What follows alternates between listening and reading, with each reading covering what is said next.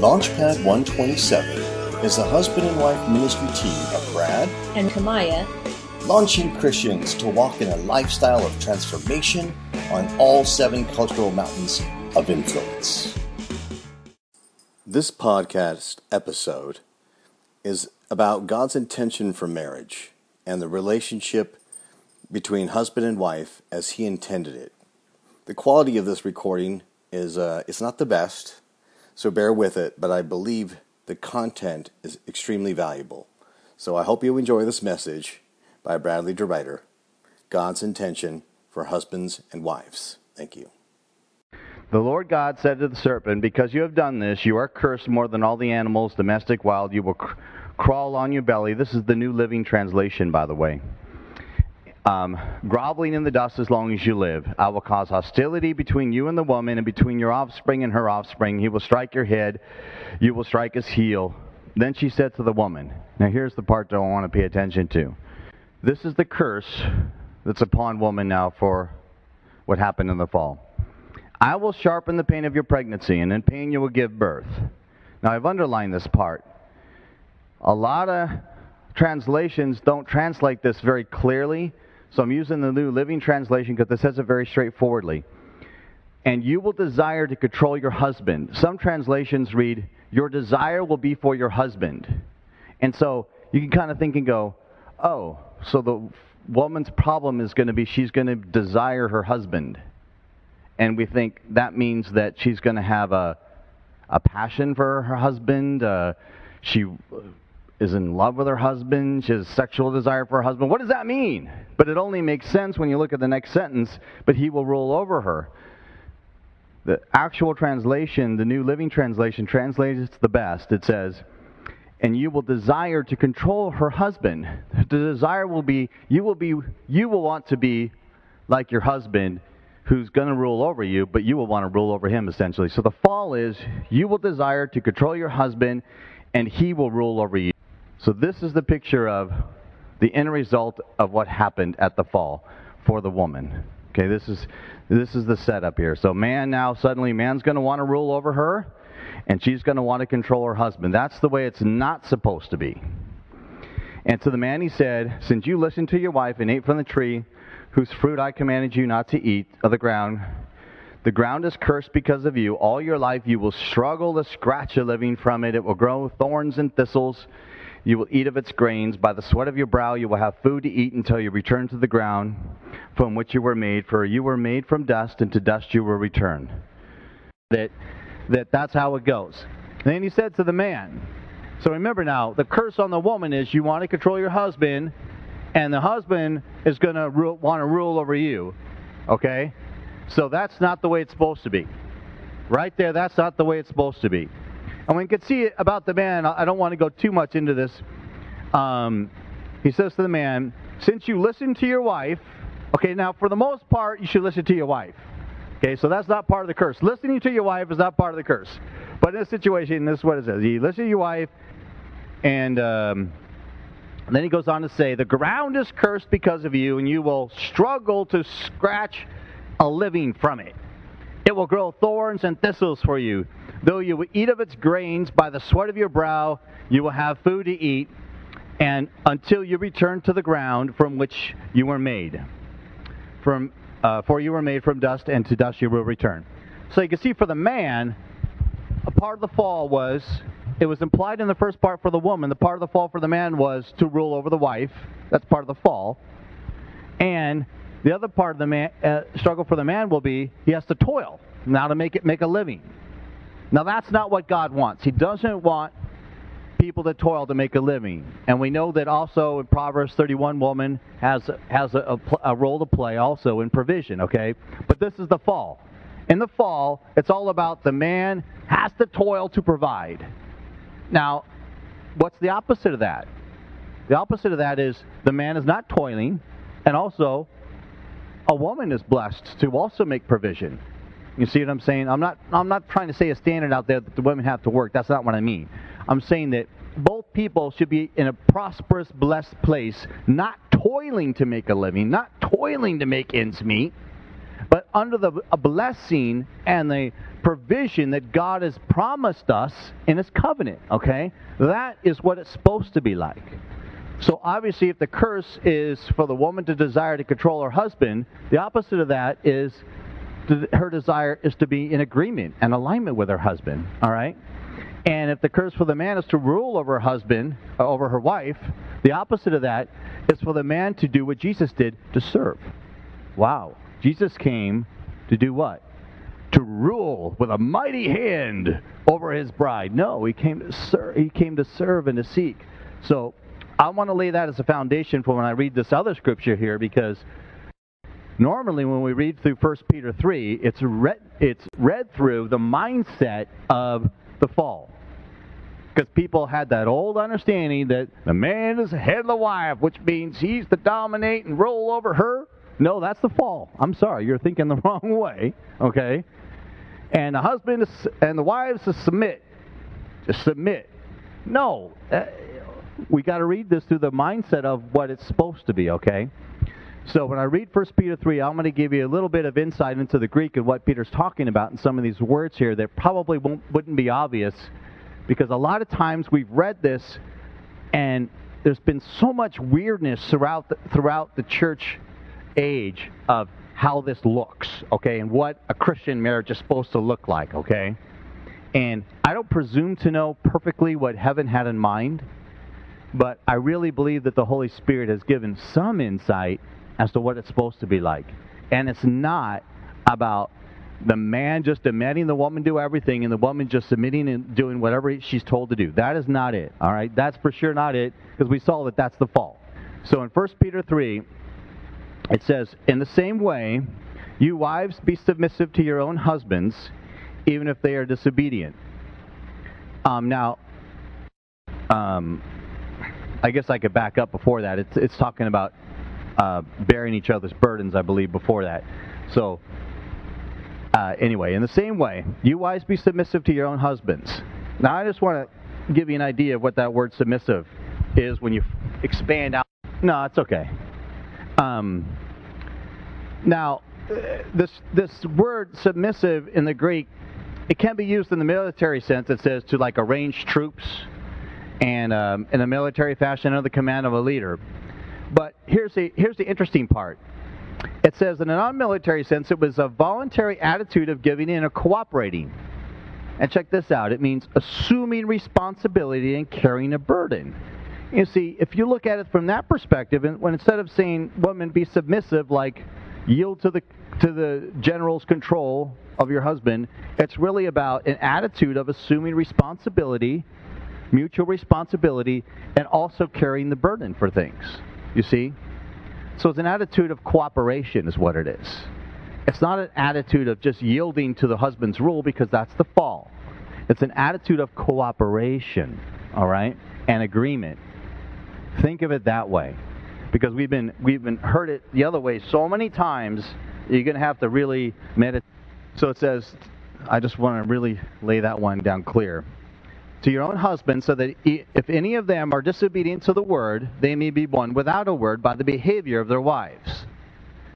As they observed your chaste and respectful behavior, um, your adornment must not be merely external, braiding of the hair, wearing gold jewelry, putting on dresses, but let it be the hidden person of the heart, with the imperishable quality of a gentle and quiet spirit. It's funny. I, I made a little note here. I said, quiet spirit does not mean quiet mouth. It doesn't mean you got to be quiet, okay? It's a quiet spirit. It means with an attitude, again, of cooperation, you know? Because remember, the fall was what?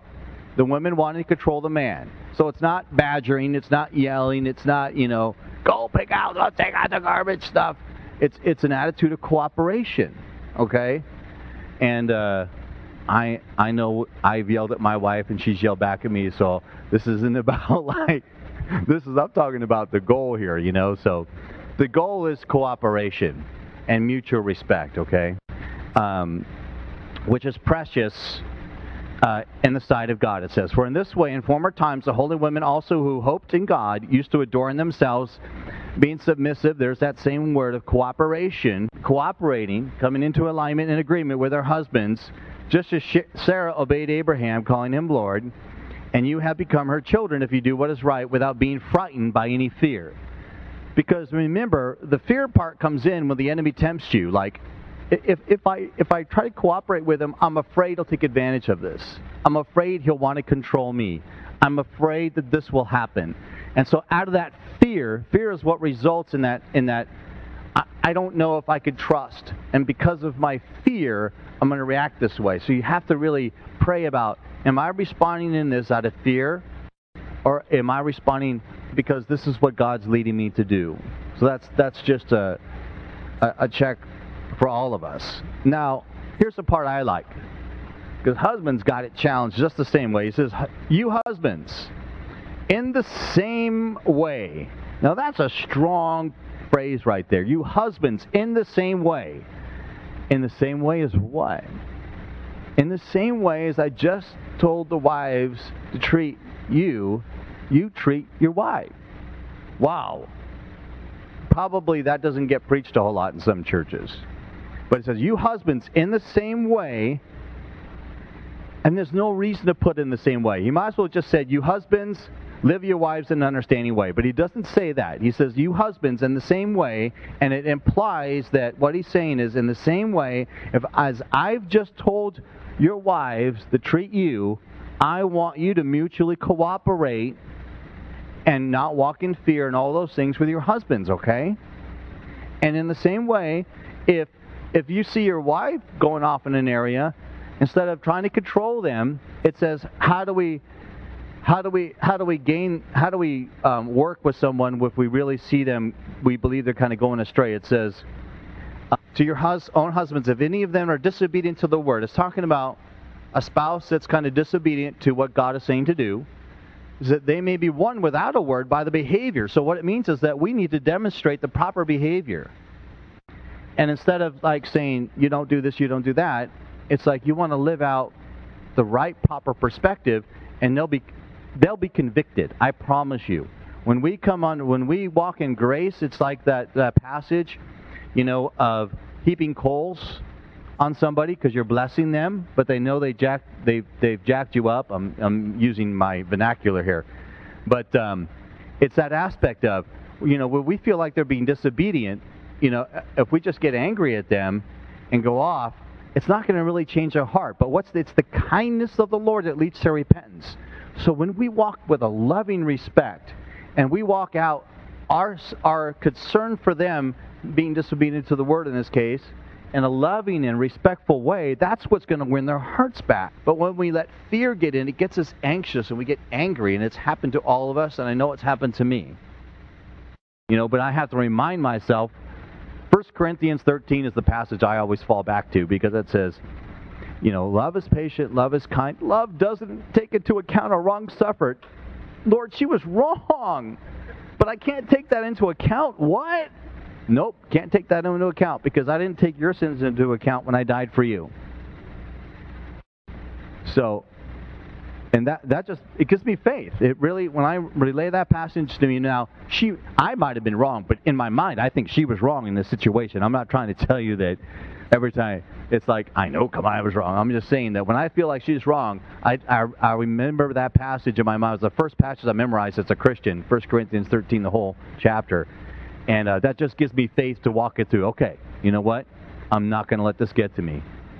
Um, so where was I now? And we're in verse 7. You husbands, in the same way as I just told you to treat your wives, treat them. That's my part of it. Live with your wives in an understanding way, as with someone weaker. Now, this word weaker doesn't really mean like weaker in strength, although I would think that most men should be physically stronger. It's just how God made men, you know. But um, it's not really implying that. The word, um, that word weaker, it really is kind of based out of the fact that it, it has to do with the idea of um, a woman was made out of man. It's like she came from. It's not really weak in the sense of physical strength. It, it has really the concept, the picture in the Greek is, is like um, something that was taken out because the woman was taken out of man. So that everyone wants to focus on you're weaker than me, I'm the strong guy, blah, blah, blah. It's not that. It has to do with the picture of the woman came out of man. That is the picture in the Greek he's referring to. Because um, then it goes on to say, uh, in an understanding way, as with someone weaker, since she is woman. Now, why does he say it that way? Since she is woman, because the word woman means literally out of from man. And show her honor as a fellow heir of the grace of life, so that your prayers will not be hindered. Now, this is why I wanted to read this passage for that last statement. You see, your first agreement partner is your marriage partner.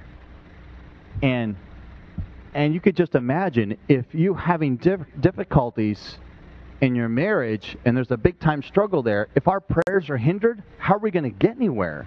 How, how, how are we going to be as parents praying for our kids? How are we going to be in, in our financial situation when we're trying to believe God for financial breakthrough, but our prayers are hindered?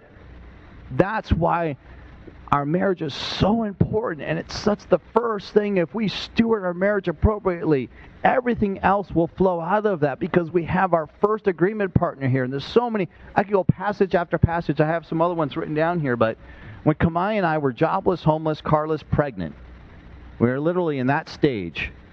We only have one child so this is back 19 years ago almost. We put a faith list down in an agreement faithless down because we didn't have a place to stay, we didn't have a job, I didn't have a car.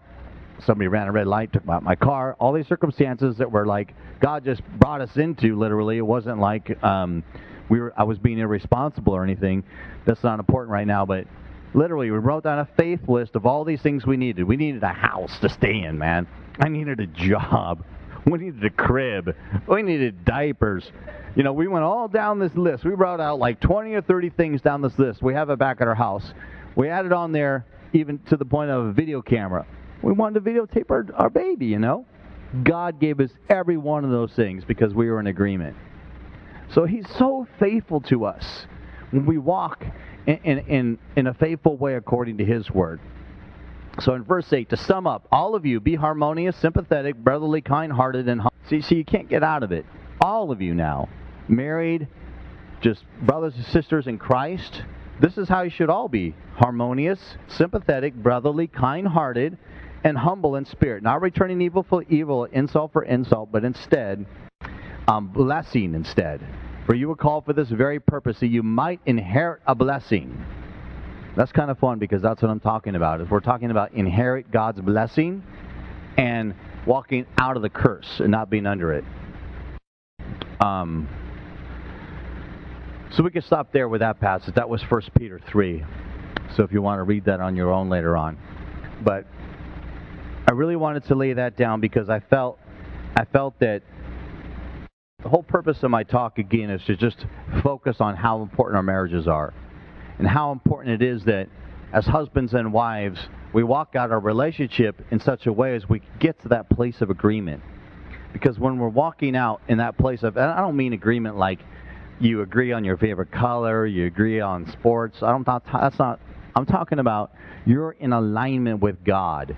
You're in agreement. I want to get to that in this next passage in Ephesians 15. I'm talking about you're in agreement in your relationship with God, and you're working towards working things out. You're not at a stalemate. You're not in a place of, of dis, you know, you're just at a block where I can't, I don't agree with this major decision. You need to walk through those things, you know.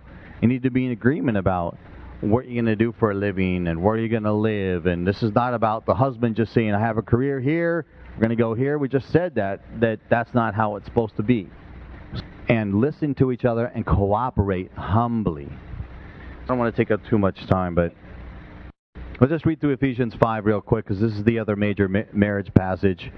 And because I, I already kind of covered most of these things. But again, it's interesting. When I read through First Peter and I read through this one, it's funny. It starts out with the woman. Talk to the woman first, and, and this, this whole deal was really big, big and strong about the marriage relationship right away. Wives want to control their husbands, and the husbands want to rule over them and the men got to toil. And that was the order of things. And you looked in First Peter, he first spoke to the wives about being submissive, being in cooperation and agreement with, trying to work out in cooperation and agreement with. not just yielding to them being bossed around again. And um, so I'm just pointing that out because I just realized that because I never understood why in Ephesians 5 2 he starts off speaking to the women and he gets on the guy, you know. So I'm assuming he's trying to undo what happened in the fall. He's going, here's what happened in the fall, this and this, Holy Spirit.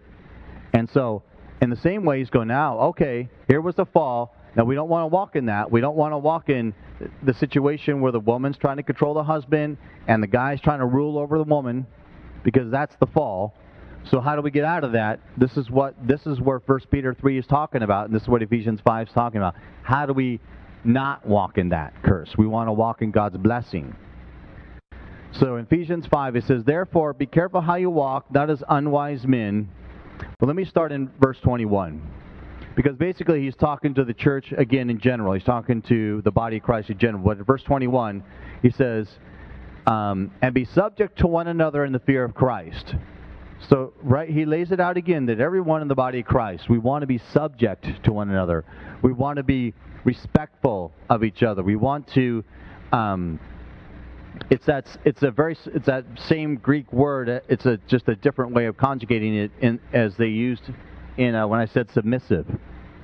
Okay, so obviously, if he's saying to be subject to one another in the fear of Christ to everyone as brothers and sisters in the Lord, I don't know, Stephen, if you got the Greek right up there, you can confirm that, but um, I'm pretty sure that is from my study that when it says be subject to one another in the fear of Christ. So here's this word. Now, it can't mean, obviously, that word, what we thought of before, not we thought of, but it's been taught in the past when it's been about women being submissive to their husbands, like you just be dominated by them because that's the fall. But that's been taught, unfortunately, in many Christian churches, okay? Because by definition, that would mean that if we're supposed to be subject to one another in the fear of Christ, then how are we supposed to rule over each other? If everyone's trying to rule over one another, how would that work in the body of Christ? This word be subject to cannot mean that. It would not work out. It has to mean to be in agreement and to be mutually cooperating towards the goal of being united as one body in Christ towards the goal of walking by His Holy Spirit in agreement with what the Spirit of God is doing at that time in the body. I'm talking about church now. When it says to be subject to one another in the fear of Christ as a body, it's to be in mutual cooperation towards the goal of walking by the Holy Spirit to do God's will as a body. And in the same way, that's what it's talking about as a husband and wife. When it says wives, then it goes on in verse 22 Wives, be subject to your own husbands. Well, that word to be subject to is not actually in the text there, it's implied, so that's why they put it in there. It says, it literally reads, Wives to your own husbands, because he just talked about it to everyone else, so naturally, wives to your own husbands. And it, it, it also implies husbands to their wives, but it says it in a different way. Anyway, wives, be subject to your own husbands, be mutually cooperating towards the goal of the Holy Spirit for your relationship as to the Lord. So, I mean, how would you walk in your relationship with the Lord? You know, yes, the Lord is good, but we have to choose life. We have to choose to be in cooperation with the Holy Spirit. We have to choose to live by the Spirit. So, in the same way, we have to choose to cooperate with our husbands. We have to choose to cooperate with our wives and walk by the Spirit. For the husband is the head of the wife, as Christ is also the head of the church, him being the Savior of the body. I don't even want to get into this whole head of the wife thing but um, there's another passage I'll get to, but if you really study how Jesus Christ operated on this earth, when he talks about being the head, it's talking about uh, being a servant. It's being one who comes under and says, I'm here to serve you. I'm, I'm here to see you get to your place of fulfillment and your destiny in God. That's the husband's responsibility. And I'll show you that by scripture later on. When it says to be the head, of the wife as Christ is the head of the church. Jesus came to serve us, to see us walk in our destiny, to be filled with His Holy Spirit, and to walk in the destiny He has for us. He comes up underneath us. He doesn't. God never tries to control us, otherwise it wouldn't be love, because it has to be a choice. We have to choose to walk with Him. But God comes and He says, I'm here to serve you. I gave my life up for you. I chose to give my life for you, so I'm here to seek I'm here to serve you. So I'll get to that passage in a minute, but I just want to set that picture when it says, because again, we've got these old images of what this stuff used to mean, and been taught in churches I know I've been a part of, and some of you have been a part of that. I won't name it, but anyway, this it's an old part of that church, but yeah, let's just say it wasn't the best stuff. Um, I'm sorry, I got to get back in the spirit. okay. A husband is the head of the wife as Christ the head of the church, he himself being the Savior of the body. But the church is subject but as the church is subject to Christ, so also wives ought to ought to be in their husbands and everything. We've been to that word subject, please. It's cooperating, mutually cooperating. Husbands, love your wives just as Christ also loved the church and gave himself up for her. So obviously, husbands now, this is not a matter of what did it say? The fall was women want to control their husbands and husbands want to rule. Now, we know that Jesus didn't, is not about ruling, right? Because he says, just as Christ loved the church, and he what? He gave himself up for her. So I'm, I'm going to give up my selfish desires, and I'm going to give up myself for my wife. I'm committing my life to her to see her be blessed, to see her walk in who she is. And I'm really hoping and trusting that she will mutually cooperate with me and come up with me to see me walk in my destiny. Do you see how that works? If it's all about me telling her what to do, and it's all about me trying to get her to, to, to make my destiny happen, that doesn't work. But when I try to see her become and come up under her to see her become who she's called to be in everything that she is. And then when she sees that in me, when I step out first as a servant leader doing that, then she'll follow suit and she'll say, Brad, I want to see you become who you're supposed to become. I want to lay my life down for you and give myself to you. And now you see the cooperation here? This is how it's supposed to work. But when we hold on to our own desires first and we try to fight for ourselves first, that's where things that's where we walk back in that fall situation. You're trying to control the other person. You're trying to have your way instead of bless them in their way. So, husbands, love your wives just as Christ loved the church, so that he might sanctify her, having cleansed her by the washing of the water of the word with the word, that he might present to himself the church in all her glory, having no spot or wrinkle or any such thing, but that she would be holy and blameless. I mean, that's just a great picture for husbands to want to see that happen with their wives. So, husbands also ought to love their own wives as their own bodies. He who loves his wife loves himself, for no no one ever hated his own flesh, but nourishes it and cherishes it just as Christ does the church, because we are members of his body. For this reason, a man shall leave his father and mother and shall become shall be joined to his wife, and the two shall become one flesh. Now we see this is the goal, is to be in unity, it's to be one flesh. Just as the body of Christ is supposed to be in unity with what Jesus is doing on this earth and in alignment with that, when when we walk in alignment with each other, and I'm saying I want to see you walk in your destiny that God has called you into, and likewise yourself, and now you're in that place of, to use a Lance Wallnau term, convergence, where you're in agreement with. This is where God's taking us. This is where we're going. We both see it. We both want it. Now we're that agreement partner with each other, and now we're going to start getting traction. And now we're going to start seeing seeing the blessing of God come into our marriage. We're going to start seeing that mutual love towards each other. We're not going to see the controlling aspect. We're not going to see the toiling for the man in his work. I promise you, finances will come your way. It's just, it's what the Bible teaches us. But if we walk in the fall, I mean, I don't want to toil. I, I've done toiling, okay? Uh, but I've also seen God's provision. Now, it doesn't mean you don't have to actually get out and do some work. That's all I'm talking about. But it doesn't mean that you're going and going and going and you're barely making it. It's just always just this, it's like, I, I just can't catch a break thing. But you're working, you're working your butt off. You're getting to a job, but that's not what God wants for us. We don't have. God wants us to walk in a blessing where things are coming in. But but you really, really have to pay attention to what God is saying and the only way to hear Him clearly is when you're in agreement with your partner. And when you both can hear God clearly, it's out of that agreement and that unity Now, here's the passage I wanted to read in Matthew 20, 24 through, through 28 about the perspective of head of the, you know, husbands are the head of the wives as Christ is the head of the church. Here's the attitude of our Lord and Jesus.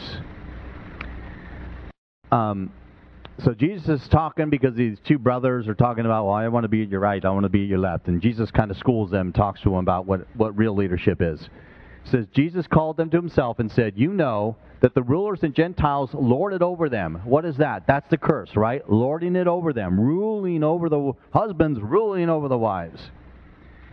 Well, this is exactly what we've been taught as a body of Christ that the husbands exercise their authority over their wife. But that's what Jesus is saying not to do with each other as Christians, let alone as husbands and wives. He says, It is not that way among you. It is not that way. But whoever wishes to become great, you shall be your servant. And whoever wishes to be first among you should be a slave, just as the Son of Man did not come to be served, but to serve. This is the King of Kings. He's been there at the beginning, at the end.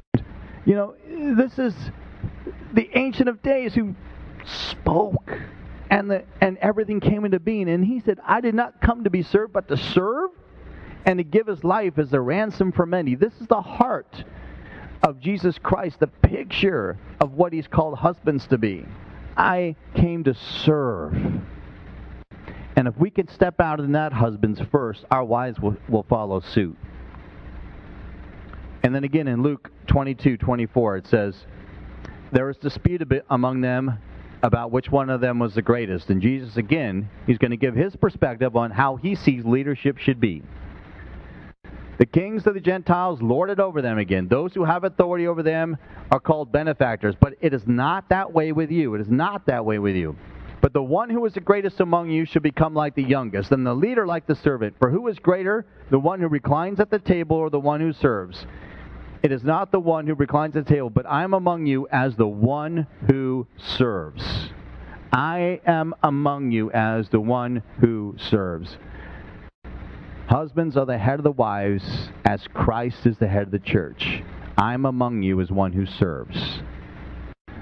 So, if anyone teaches that differently, they just they just don't get what Jesus is talking about. So, real quickly, power of agreement.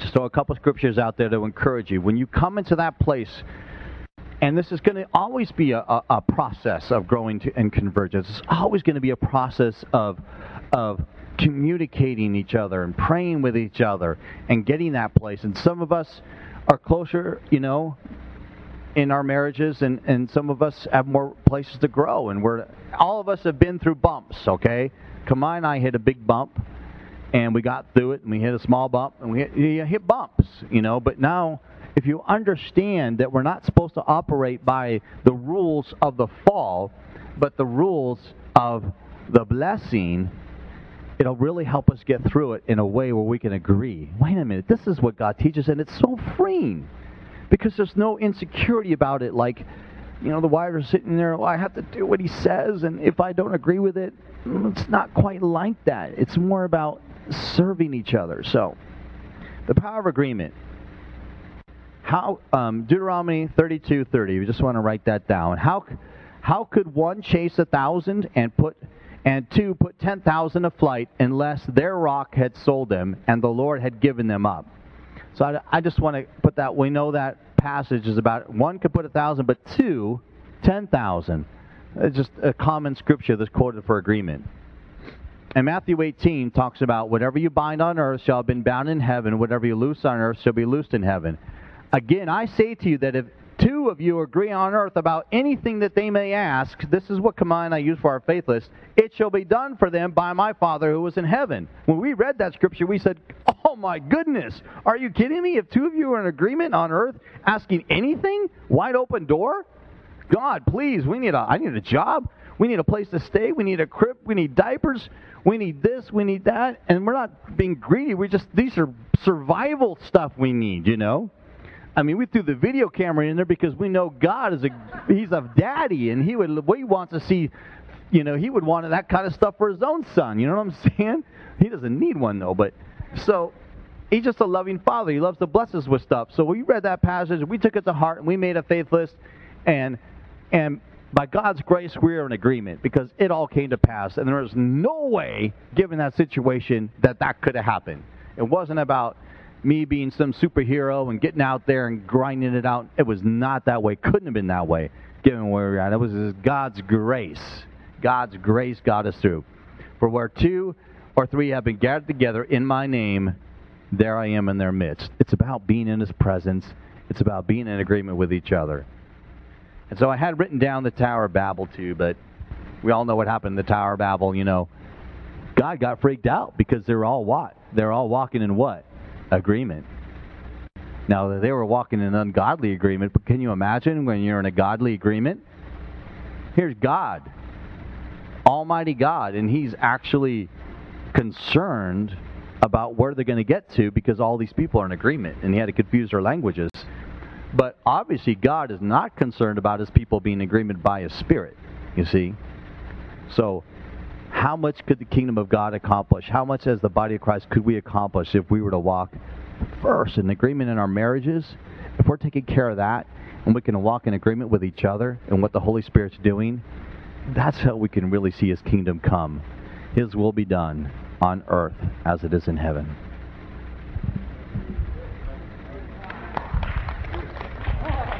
If that was good, that was God, because. How